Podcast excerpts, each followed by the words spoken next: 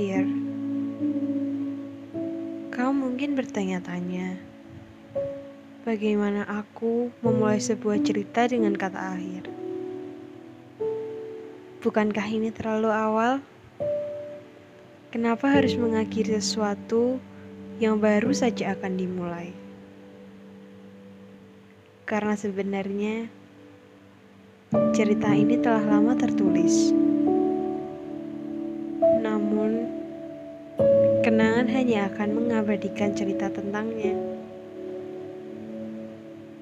Ah, tentang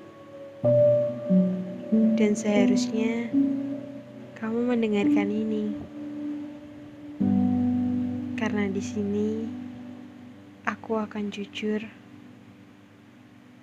bahwa aku merasa bersyukur.